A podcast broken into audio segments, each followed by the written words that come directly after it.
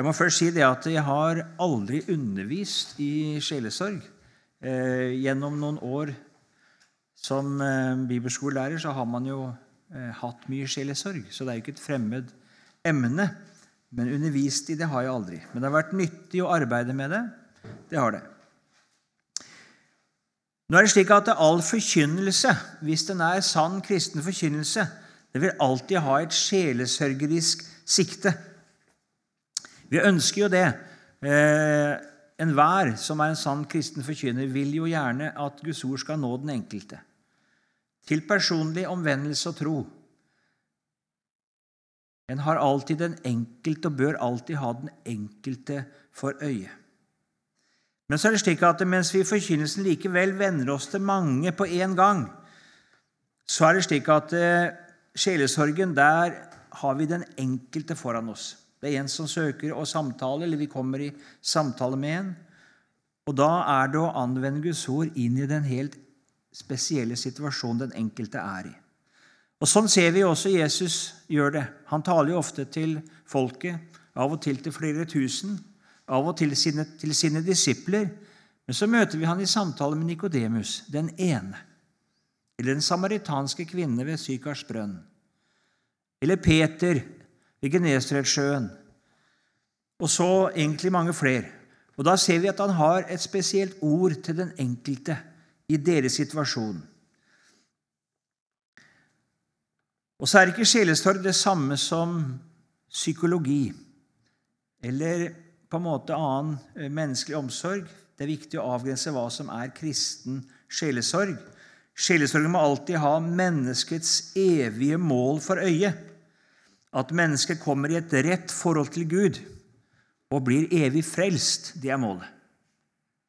Og Det må på en måte lede og styre det som en sier i sjelesorgen. For Det er ikke det samme som mentalhygiene eller psykoterapi. Det har jo som mål å hjelpe mennesker i hverdagen, og det er ikke unyttig. Det er nyttig til sitt. En, lege ikke sant? Han hjelper mennesker med legemlige plager og sykdommer. Psykologen og psykiateren søker å hjelpe mennesker med psykiske lidelser og plager, så de kan takle hverdagen og livets oppgaver på en best mulig måte. Men sjelesørgeren han har noe annet for øye. Det er menneskets åndelige liv. Å hjelpe mennesket til et rett forhold til Gud å føre til omvendelse og tro. Hjelpe i kampen mot synden, verden, hjelpe det i dets kristelige kall osv. Og Det må aldri glemmes. Det kan lett glemmes. Du må si det.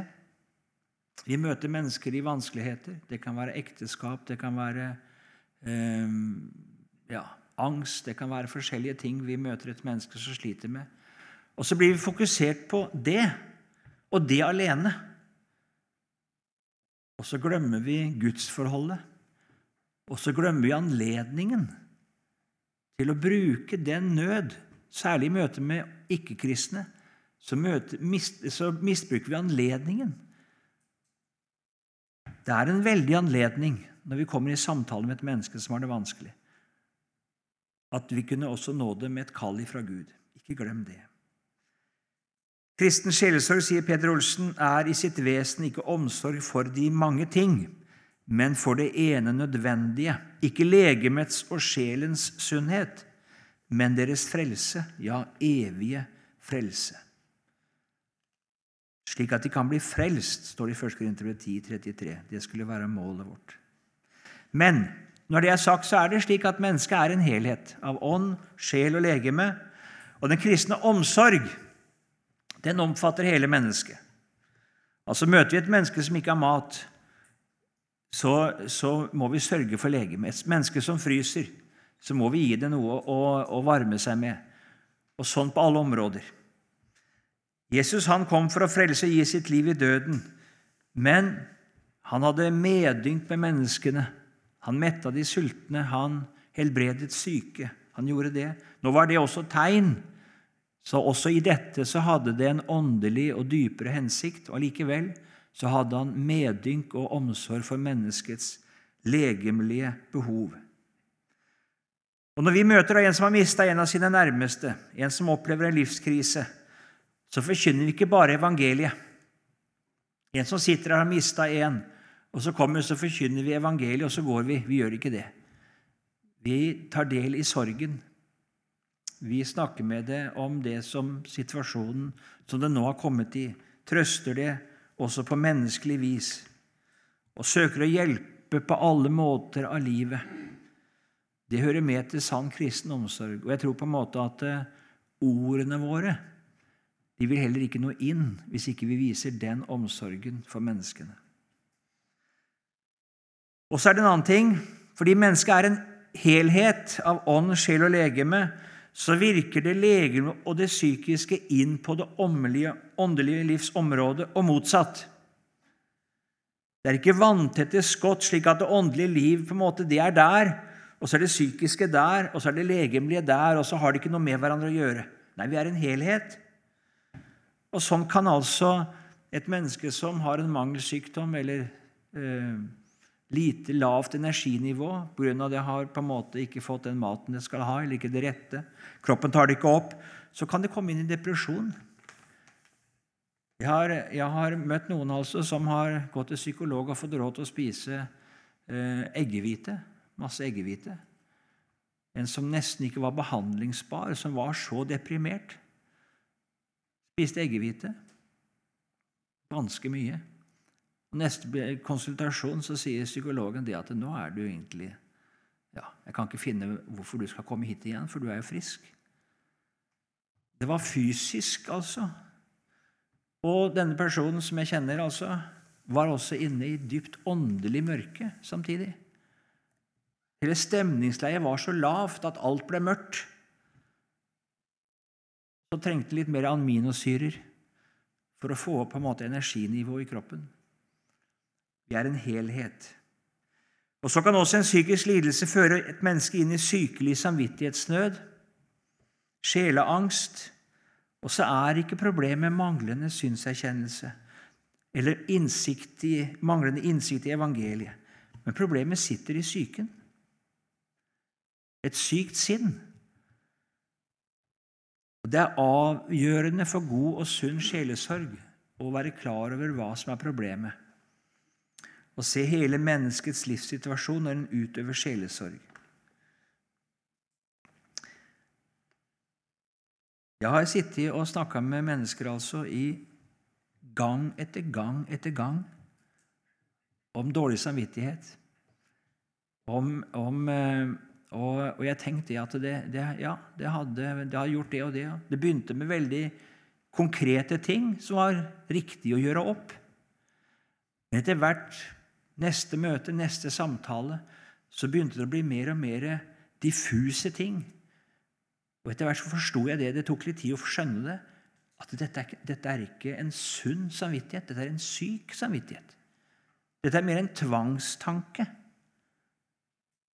enn det er snakk om et, et sunt kristent, en sunn kristen samvittighet. Og skjønte etter hvert at dette er mer av psykisk art enn av åndelig art.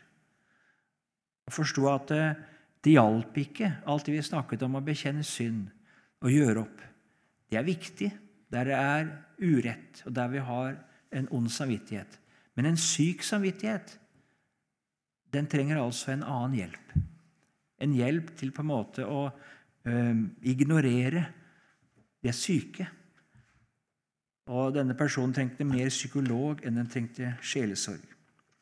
Det er to grøfter å ja, må ta med det. Altså I møte med menneskers ulike problem så vil sjelesorgen ofte bli mer omfattende enn ren åndelig omsorg. Sjelesorg er å hjelpe mennesket til et rett forhold til seg selv, til sin neste og til Gud. Nettopp fordi vi er denne helheten. Men likevel, faren den er der. At sjelesorgen og forkynnelsen mer blir terapi enn sjelesorg med evigheten for øye. Jeg har lyst understreke det. Vi kan lett altså glemme det åndelige i vår omsorg for hele mennesket. Og Det er to grøfter å falle i, og begge er svært aktuelle. Vi åndeliggjør all menneskelig lidelse og sykdom og tenker at dersom vi bare forkynner evangeliet, vil alt det andre løse seg. Eller vi blir så opptatt av å hjelpe mennesker med å løse sin hverdag og få det godt i dette livet at vi mister målet av syne og ikke hjelper mennesker til et rett forhold til Gud. Begge grøftene er aktuelle. Vi må finne den rette balansen i sjelesorgen. Da er det slik at Mye løser seg når en får et rett forhold til Gud. Det gjør det. Mennesker blir løst på mange områder av livet. Søk da først Guds rike og Hans rettferdighet, så skal dere få alt dette i tillegg, sier Jesus. Men vi må ikke forstå det sånn at da har du det rett med Gud, så skal du ikke å, å, eh, ha legemlig sykdom eller psykisk lidelse. Da må det være noe galt på en måte som er i ditt gudsforhold, hvis du har det. Sånn tenkte jo Jobbs venner. At når han satt der i aska vi kan tenke at Det var ikke bare legemlig sykdom, men det ble et stor, dyp depresjon. Åndelig mørke, det ser vi av Jobbs bok. Og Så sier vennene det må være noe galt. Bare bekjenn din synd, så skal alt bli som før. De tenkte det, at de hadde med sann bot og omvendelse, det var legemiddelet til jobb. Sånn tenkte de. De taler ikke rett om meg, sier Gud.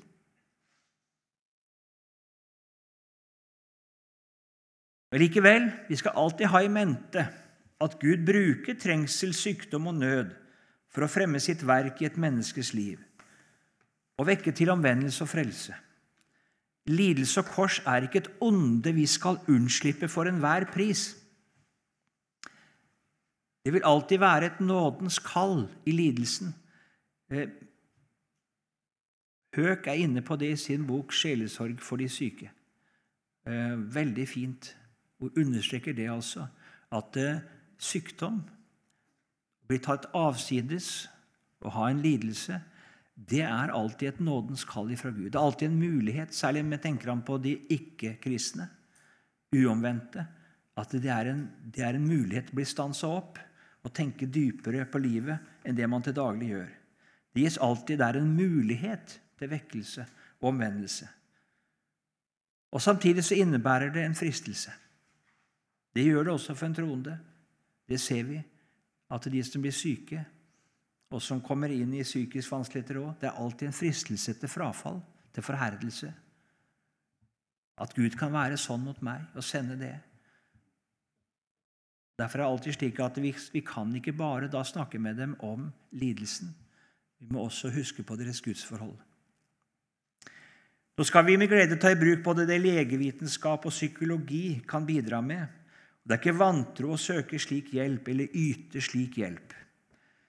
Når vi møter et uomvendt menneske i nød, om det er problemer i ekteskap eller sykdom, et tragisk dødsfall, et nedbrent hus eller en bilulykke, så er det ikke det første vi skal si til at du må omvende deg, så løser alle seg.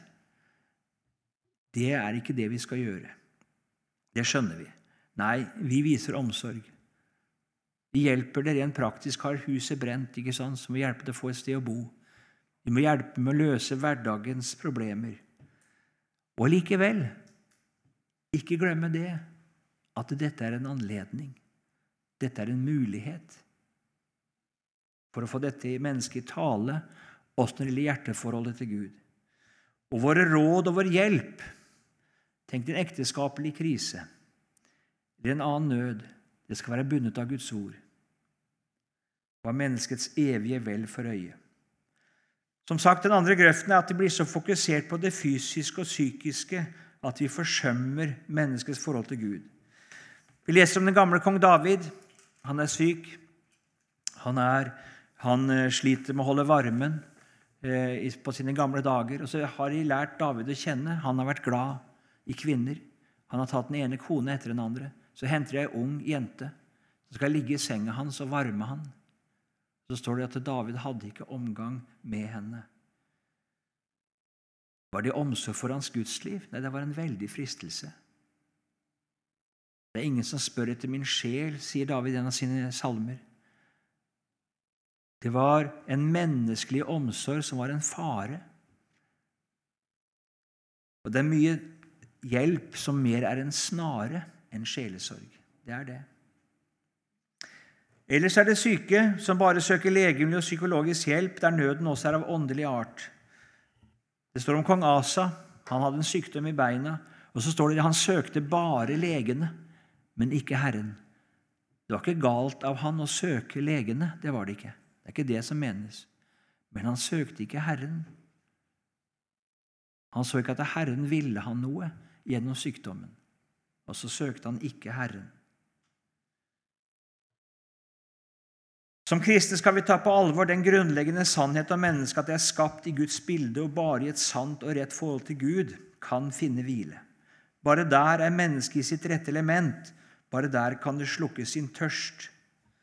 Og vi vil møte veldig mange mennesker på vår livsvei som søker å slukke sin tørst i de mange ting, i det ene og det andre. Og vi må som sjelesørgere ikke vise dem til sprukne brønner. Når vi kjenner kilden med det levende vann. Så er det slik at når vi øver sjelesorg, så vil vi føre mennesker inn i vanskeligheter. En må det som kristen sjelesørger. Eller lede gjennom vanskeligheter som medfølger mennesker ja, gjennom vanskeligheter på en måte som, som, som, eh, som medfølgende mennesker, leger og psykologer vil anse å være skadelig. Tenk en ekteskapelig krise. Og Så sier vi at du har lova å være tro. Og Så sier legen det at det er best du skiller deg. Psykologen sier det samme. Du bør skille deg. Det Ekteskapet er så vanskelig. Og så sier vi nei. Du har bundet deg. Du har lovet noe. Nå skal du være tro. Nå har du kanskje fått et kors du må bære gjennom livet. Det skal du bære. Og så skal vi vandre med deg og hjelpe deg. Han sier det igjen. Kristne sjelesørgers oppgave er under alle forhold på enhver måte å fremme evangeliets vekst i et menneske. Og som følge av denne ensidighet i formålet vil han under tiden kaste mennesker ut i religiøse kriser på tidspunkter hvor psykoterapeuten vil holde ham tilbake eller direkte fraråde ham det. Altså sjelesorgen, den har ofte et annet svar enn det psykologen har, og det legen har. Det er ikke så enkelt, dette her. Vi har jo fått en lovgivning nå knytta til transseksualitet og det vi kaller, som kalles konverteringsterapi. Er helt klart at En kristen sjelesørger han vil måtte gi råd i den type spørsmål som andre anser både som skadelig og til til altså helt lovstridig. Det er slik. Vi må søke å gå med den kristne gjennom vanskeligheter og kamper og søke å lede den enkelte frelst og berget igjennom for evig, mens den sekulære hjelp ofte vil kutte knuten over. Skill deg, ta bort, liksom løs problemet, få det bort, på en enkel og lettvint måte, som en kristen ikke kan. Gogo Petersen han sier det slik det Gud ikke hjelper oss av med, hjelper han oss igjennom. Sjelen i all barmhjertighet er barmhjertighet mot sjelen, er også en som har sagt. Hvordan driver sjelesorg? Ja, Sjelesorgen den skiller seg fra psykoterapien og mentalhygienen ved sine midler. Guds ord er det viktigste middel for sjelesørgeren. Våre ord kan bli ganske så kraftløse og virkningsløse i forhold til Guds ord. Vi må akte på det at i Guds eget ord er Den hellige ånd virksom til overbevisning, til omvendelse og tro. Mine argumenter, om de aldri så fornuftige, min overtalelse om den aldri er så sterk, kan aldri nå så langt som Guds ord. Paulus sier det ifølge at 'jeg kom ikke til dere med visdomstale eller menneskelig overtalende ord'. Nei. Han kom med Guds ord, evangeliet. Så betyr ikke det at en kristen ikke kan bruke egne ord. Det er ikke det. Men det er uendelig viktig at han er bundet av Guds ord og taler som Guds ord når han gir sine råd og hjelper. Av og til så kan vi tenke det at vi skal være litt flinkere enn Guds ord. Jeg tror det. Vi skal være litt mer evangeliske, vi skal være litt mer sånn eller sånn. Så tenker jeg at hvis vi, hvis vi sier det på den måten, så skal vi hjelpe mennesker. Vi vinner ikke noe på det. Å være klokere enn Gud. Vi skal overlate det til Guds ord og ånds gjerning og få overbevise et menneske. Nå må vi være bevisst det i sjelesorgen som i forkynnelsen at Guds ord er lov og evangelium, så vi ikke blander dette sammen eller skiller det fra hverandre, men skjelner rett. Så akkurat på en lite eksempel fra en av Gordon Johnsons bøker. Det var jo ganske ille sjelesorg som leste der. Fra en som kommer og sier at 'jeg tror ikke jeg er en rett kristen', og så sier sjelesorgen 'Å, det er vel ingen som er så god kristen som du'. Det er en forferdelig lovisk trøst. ikke sant? Trøste mens egen kristendom, det må vi aldri finne på å gjøre. Vi må huske hva loven er. Den taler om oss. Og der Hvordan skulle du svare en sånn som kommer og sier det? Jeg måtte kanskje si det. Å ja. Hvis du tenker på din kristendom, hvordan du er, så er det helt rett. Men du kjenner vel Jesus? Det er en sak med en troende som har kommet inn i mørket. For det kan jo virkelig bare være et åndelig mørke og anfektelse. ikke sant? Så vi vet at dette er personen. Og så kan vi tale om Jesus, ikke sant? som har sonet synden og gjort den opp. Om en ikke vil høre Jesus til og ikke vil tro han, og så vil du kanskje høre jo, det er ikke noe annet enn vil. ikke sant? Og så kan du få samtalen inn i et mer sunt spor enn det som var der i den boka. Men Guds ord er et speil hvor mennesker kan få se seg selv. Og Her møter vi mennesker i sjelesorg som kanskje har veldig imot Guds ord. Fulle av motforestillinger, uvilje og hat mot Guds ord. Eller de møter Guds ord med bedrøvelse, sånn som den rike unge mann som sier det, at det koster for mye. Han ble full av sorg, står det over Jesu ord, og gikk bedrøvet bort. Det var Jesu ord som var for vanskelige. I stedet for å kritisere seg selv og si til Jesus å, nå ser jeg hvor bundet de er av pengene, og hvor lite jeg elsker Gud, så ble han bedrøvet over Jesu ord. Det var det som var problemet. Istedenfor å kritisere seg selv, så kritiserte han speilet. Søren Kirkegaard sier det sånn du må ikke se på speilet, men se deg selv i speilet. Og Det er sjelesørgens oppgave. Det er å vende speilet mot mennesket og få mennesket til å se seg selv i Guds ords lys og få lys fra Guds ord over sitt liv, til selvinnsikt, selverkjennelse og synserkjennelse. Det er kanskje noe av det viktigste lyst til å det, noe av det viktigste i sjelesorgen, og noe av det vanskeligste er min erfaring. Selvinnsikt, selverkjennelse. Og det er lovens gjerning en da utøver. Det er lovens gjerning å skape selvinnsikt og selverkjennelse. Og Det er viktig, det er noe som Høek også understreker i sin bok om sjelesorg for de syke. Hvis du snakker om synden og være en synder en gro, så vil mange si 'Å ja, jeg er så stor en synder. Jeg er så ille med meg'. Men begynn å tale konkret. Hva er det som er problemet? Og Da vil kanskje si at noen så har de ikke noe problem med synd i det hele tatt. Idet du begynner å snakke konkret. Sånn var det med den rike unge mannen. ikke sant? Han hadde holdt alt. Og så prøver Jesus han på det første bud, og så åpenbarer synden. Noe som var skjult for han, kommer da til syne. Og Det er ved å se synden mot det enkelte bud at mennesket kommer til erkjennelse av sin syndighet, ikke ved å tale angro om det var en synder. Og Da kan mennesket også ledes til den bedrøvelse etter Guds sinn som virker omvendelse til frelse som ingen angrer.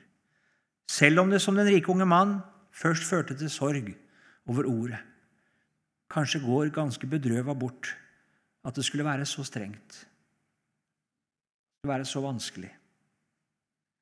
Det er viktig at mennesket ikke bare møter sjelesørgeren, men møter Gud selv. Og Det skjer når sjelesørgeren holder opp Guds ord for mennesket. Da kan det få et møte med Gud og se seg selv i Guds lys. Og Vi kunne snakke mye om dette her, men, men, eh, for her er det tror jeg, veldig viktig at vi er oss bevisst hva vi gjør. Og Det er mange, og det er interessant å lese Høk i hans bok. Han sier at han har det for øye. Og det, ser, altså, det er noe av det som kanskje er det vanskeligste med et menneske. det er når de lever i selvbedrag. De tror at alt er vel. Og så skal jeg som sjelesørger, altså, som overfor den rike unge mann, hjelpe det til å se sin nød, som det selv ikke ser. Det er lovens gjerning. Men Bibelen er mer enn et speil. Den er også et legende og livgivende ord. Hospitalet er en sagt, der den store lege alltid er å finne. Det er evangeliets gjerning. De ord jeg har talt til dere, sier Jesus, er ånd og er liv. Og Det er viktig at sjelesørgeren øser av den kilden, trøster med den trøst han selv har fått gjennom Guds ord, overfor et menneske som sørger over sin synd og er fortvilet. Åpner de blindes øyne, som er i mørket, altså ikke kan se, og løser de bundne og forskrekkede samvittigheter med den løse makt som er gitt gjennom ord om syndenes forlatelse i Jesu blod. Jeg har lyst til å si det. Det er jo den virkelig gledesfylte delen ved å sjelesørger. Jeg har lyst til å si det. Dessverre er ikke det den du oftest får utøve. Jeg skulle tro det at det var det man på en måte sjelesorg. Det er jo sjelesorgens mål at man kunne få gi det ordet om Jesus og trøste de, de, de sørgende og sårede samvittighetene. Men min erfaring det er at det er ikke så ofte jeg får oppleve det, at mennesker kommer til erkjennelse og kommer i nød og får se Jesus, og du får lov til å være med og rekke det. Det er ikke det. Men det er de, si, det som virkelig, både som forkynner og sjelesørger, virkelig gjør eh, ja, er de gledesfylte stundene hvor en får lov til å gjøre det.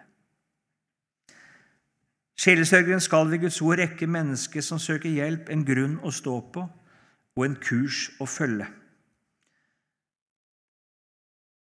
La det få Guds ord som grunnvoll for livet sitt, for frelsen og hele livet. Et fundament som skal bære gjennom alle stormer og alle kamper, som holder i livet og som holder i møte med døden. Guds ord det kaster lys over livsveien, det leder på rettferdighetsstier, det gir råd og viser veien vi skal gå, og det lyser helt inn gjennom dødsskyggens dal. Sånn taler Guds ord, og slik er det. Og det skal vi gi til mennesker i sine forskjellige livsfaser og kriser. Det er om å gjøre at den som søker sjelesorg, får møte Jesus selv gjennom sjelesørgeren. Det er hans ord. Det er ikke mine ord, men det er hans ord. Det er hans soning, det er hans rettferdighet mennesket trenger. Og Det er å formidle det møtet som sjelesørgeren skal, som forkynneren. Men her er det én til én, og det skjer ved Guds ord. Jeg tror det kan være vesentlig altså å lese Guds ord høyt. Det er ikke bare mine ord og min om, eh, på en måte formulering, men at det er Guds eget ord. For når det går ut ifra samtalen at det har fått et ord å holde fast på, et ord av Jesus selv, et ord av Gud selv, som kan bære det gjennom livet. Det er det ordet som skaper tro.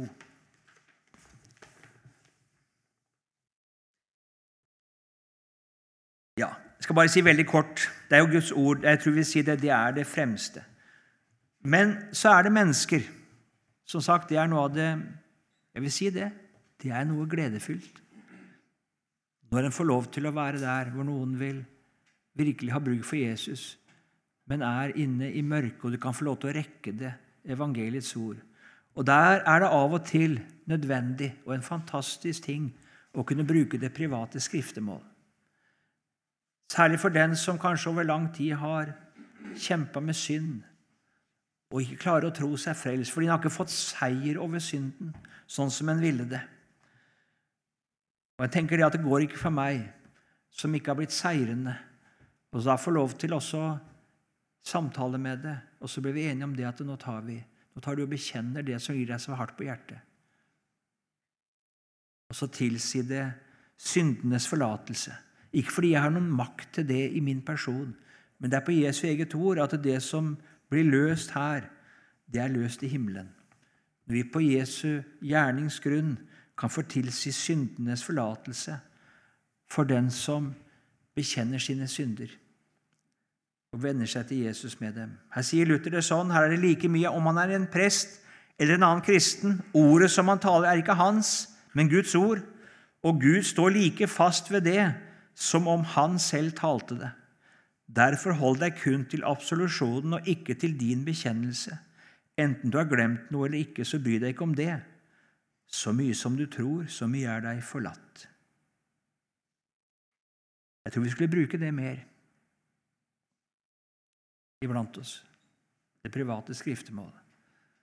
Vi skulle kanskje hver enkelt som kristen søke å ha en kristen venn, en bror eller søster som vi bekjente våre synder for.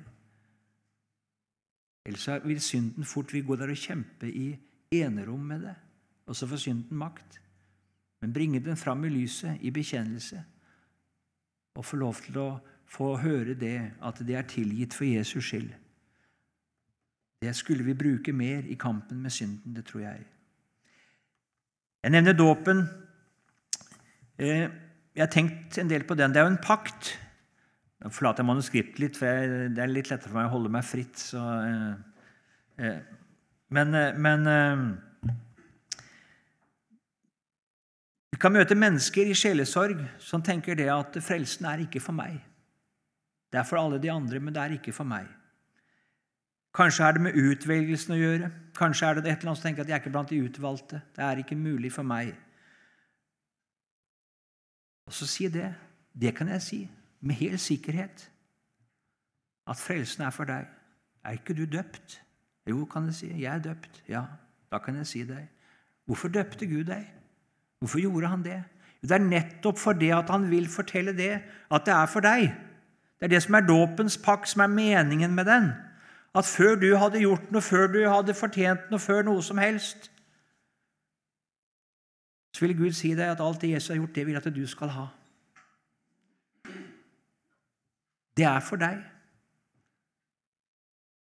Nå skal du takke Gud, og så skal du tro det og ta imot det og leve i det som Han har gitt deg.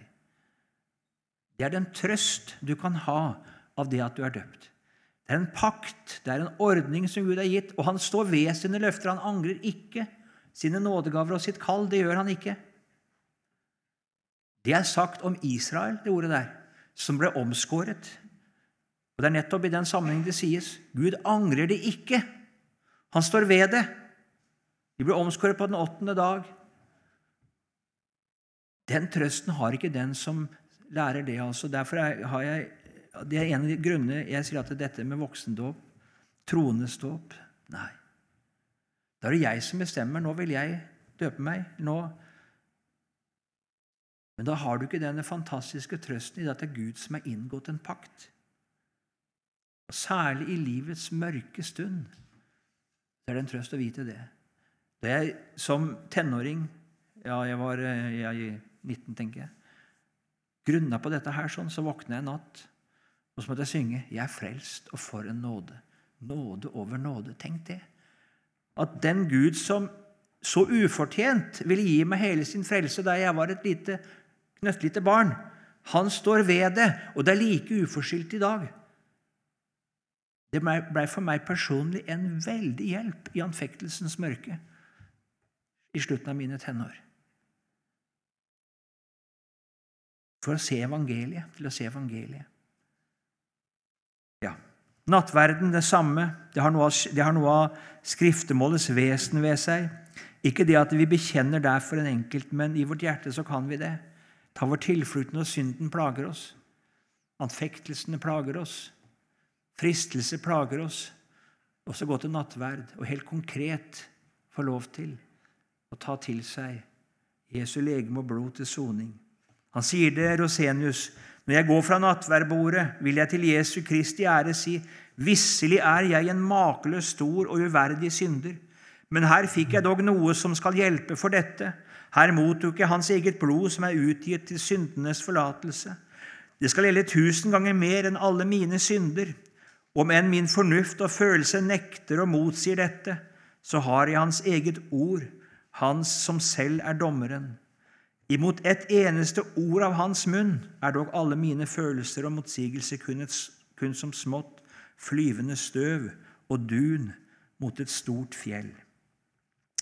Ja, i sjelesorgen å innby den som kommer sjelesorg, til å gå til nattverd. Av og til ved et sykeleie så er det kanskje naturlig også at vi har nattverd, har en nattverdstund. Ikke bare på dødsleiet, som har vært vanlig, men, men også der et menneske eh, er altså kanskje i stor anfektelse og nød og ikke kan komme til nattvær, at vi kan ha det der ved sykesenga. I familien. Til slutt bønnen, forbønnen og den felles bønn i sjelesorgen. At vi ber for de som søker sjelesorg hos oss, om den visdom vi trenger, den kjærlighet vi trenger, og at vi bærer de fram for Gud i våre bønner. Sånn ba Jesus for sine disipler. Jeg ba for deg, sier han om Peter, at din tro ikke måtte svikte. Han visste hvilken nød og vanskelighet Peter skulle inn i, og så ba han for han. Ikke bare samtalen med Genesra skjød, men han hadde bedt for han. Bedt for han der han sto i fristelsens stund. Apostelen han ber for sine åndelige barn. Så ofte han kommer dem i hus, sier han, så ber han for dem. Og den troendes bønn står det hos Jakob har stor kraft og virkning. Vi skal regne med det. Når vi ikke kan nå inn til et menneske, så kan vi lukke Jesus inn i deres nød ved å be for dem, at han kan røre ved deres hjerter. Men også felles bønn når en kommer, at en bøyer kne og ber sammen, og sammen kan tre fram for nådens trone. Det hører også med sjelesorgen. Alt det to av dere på jorden blir enige om å be om, skal de få av min Far i himmelen. Og Det er nettopp sagt i sammenheng med menighetstukt, med bekjennelse av synd. så er det sagt dette her. Det hører på alle måter med i sjelesorgens rom at vi også ber sammen. Sammen trer fram for nådens trone. Ja. Jeg hadde for mye stoff, og så følte jeg måtte haste litt. Der er vi Vi tar pause der. Ti minutters pause.